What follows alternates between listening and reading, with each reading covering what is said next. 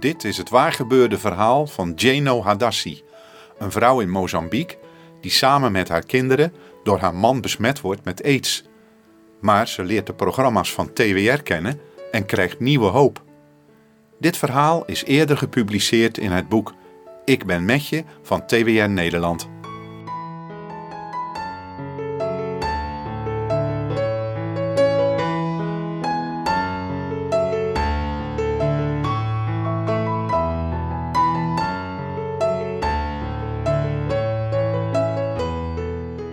De dag is al ver gevorderd als Jeno met haar man en twee kinderen aan de horizon eindelijk iets anders zien dan gras en stof.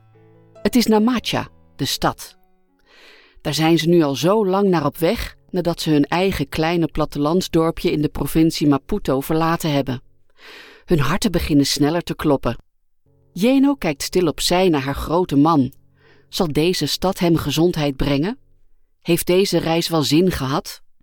Zijn gezicht is grauw door het lopen, de hele dag door. Er is weinig meer over van zijn eens zo fiere, brede gestalte. Hij heeft een mager lijf met een kromme rug en afhangende schouders.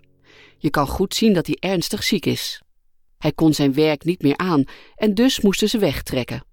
Deze grote wereldstad, Namacha, was hun doel, hun hoop op een beter leven.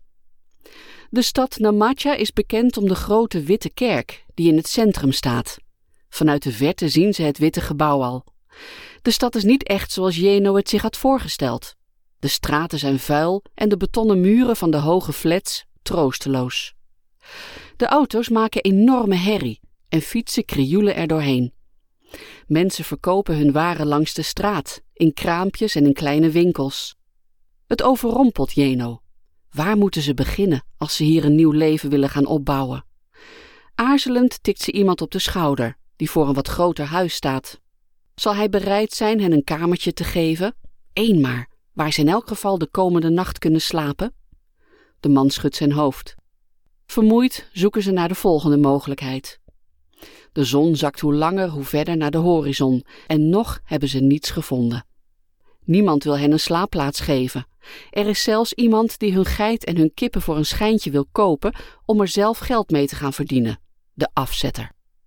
Het lijkt alsof er niemand is die dit gezinnetje wat hartelijkheid en hulp wil bieden. Opeens wijzen de kinderen naar een man die niet ver van hen vandaan door het stadje loopt. Ze moeten een beetje om hem lachen. Hij heeft een enorm lange baard en een jas met alle kleuren van de regenboog. Zijn splinternieuwe schoenen lijken zo uit een luxe winkel te komen en passen helemaal niet bij die man. Zou hij rijk zijn? Zou hij genoeg ruimte hebben om hen een plekje te kunnen geven? Ze rennen naar hem toe om het hem te vragen. Hij wenkt hen om met hem mee te gaan. Erg spraakzaam is hij niet. Hij gaat hen voor en zij volgen. Hij woont niet in het centrum van de stad. Ze moeten een flink eind lopen. Ze zijn al bijna de stad uit als Jeno een klein rieten hutje ziet staan. Jeno laat haar schouders hangen. Is dat het? Maar de man heeft een vriendelijk hart. Niemand wilde hen helpen, alleen deze man die zelf ook arm blijkt te zijn. Hij wil zijn kleine hutje aan hen afstaan, zolang ze zelf nog geen hut hebben gebouwd. In de weken daarna helpt Valdimar, want zo heet de vriendelijke man, hen bij het bouwen van een eigen, wat grotere hut. Jeno's man doet zijn best om mee te helpen, maar hij is heel erg zwak, geeft veel over en hoest veel. De natuurdokter in hun vorige dorpje kon niet vinden wat hem mankeerde en had hem voor de zekerheid maar kruiden tegen de malaria gegeven. Maar dat hielp niets. Het gewone leven gaat zijn gang weer.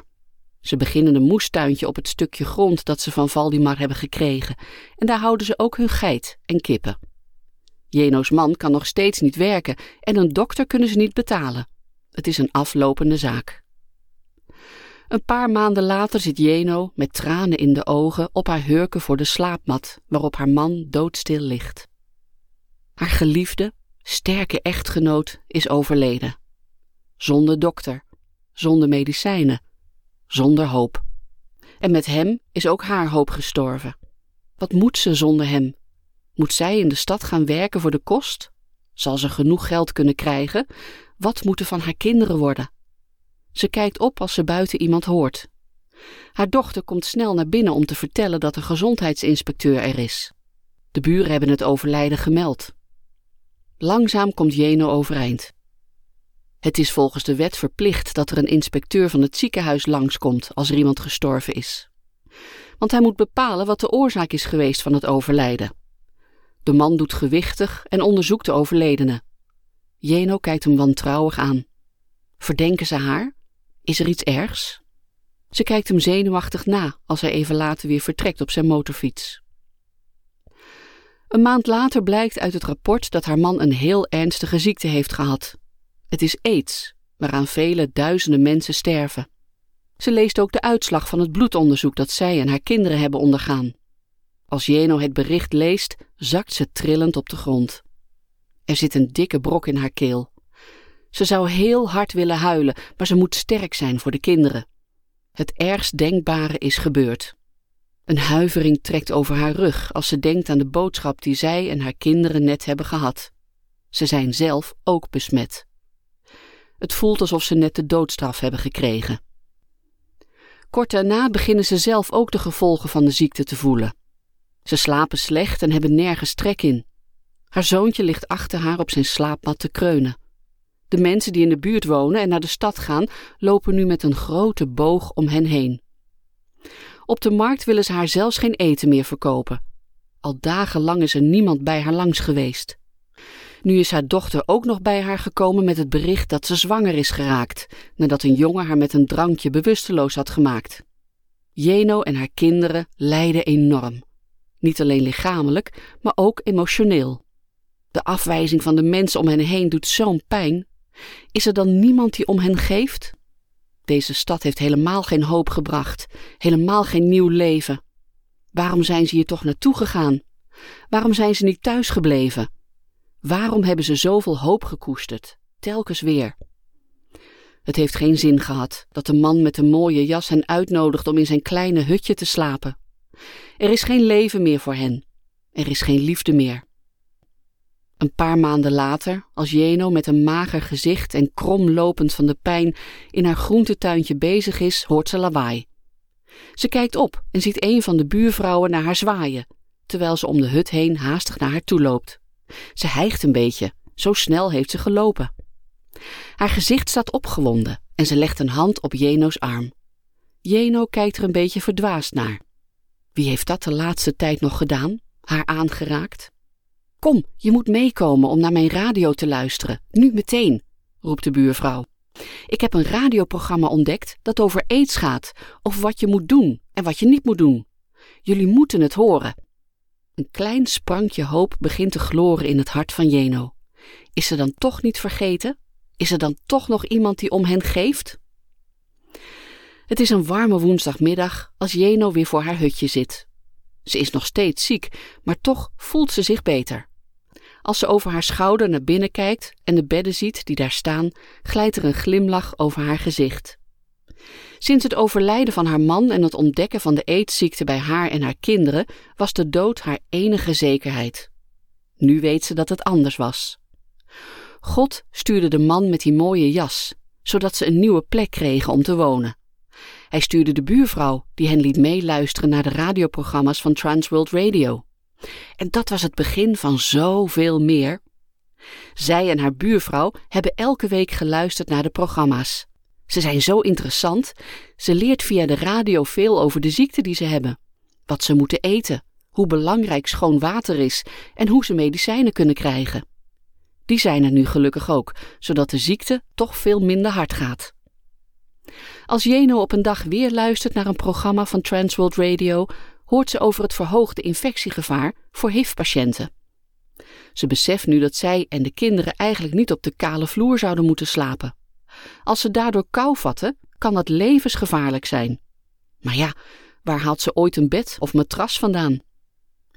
Niet wetend of het iets uit zal maken, belt ze met het mobieltje van de buurjongen naar de radiozender en vraagt om hulp. Een week later is Jeno net bezig met het schrobben van een jurk als er een pick-up voorrijdt en stopt voor haar hutje. Een roodharige man stapt uit en glimlacht vriendelijk. Bent u Jeno Hadassi? Hebt u er bezwaar tegen dat ik hier wat spullen achterlaat? Een paar minuten later sjouwt de man samen met een paar opgeschoten jongens uit de buurt van alles naar binnen: bedden, matrassen en zelfs een oplaadbare radio. Jeno is stom verbaasd. Is dit echt voor haar en haar gezin? Van mensen die haar niet kennen en niet eens weten of ze dit wel verdient? Jeno is sprakeloos.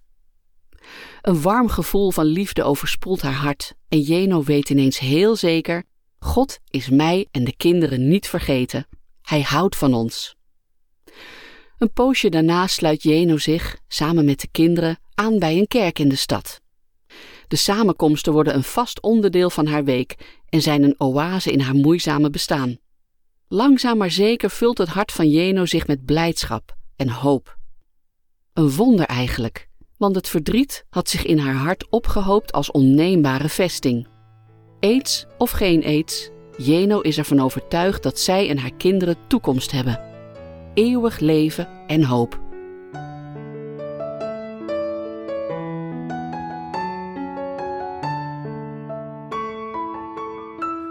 Wilt u het boek Ik ben met je zelf lezen? Dan kunt u dat bestellen via www.ikgavoorjeuit.nl. Ik herhaal www.ikgavoorjeuit.nl. Als u uw naam en adresgegevens vermeldt, dan sturen wij het u toe en betaalt u alleen de portokosten van 2 euro.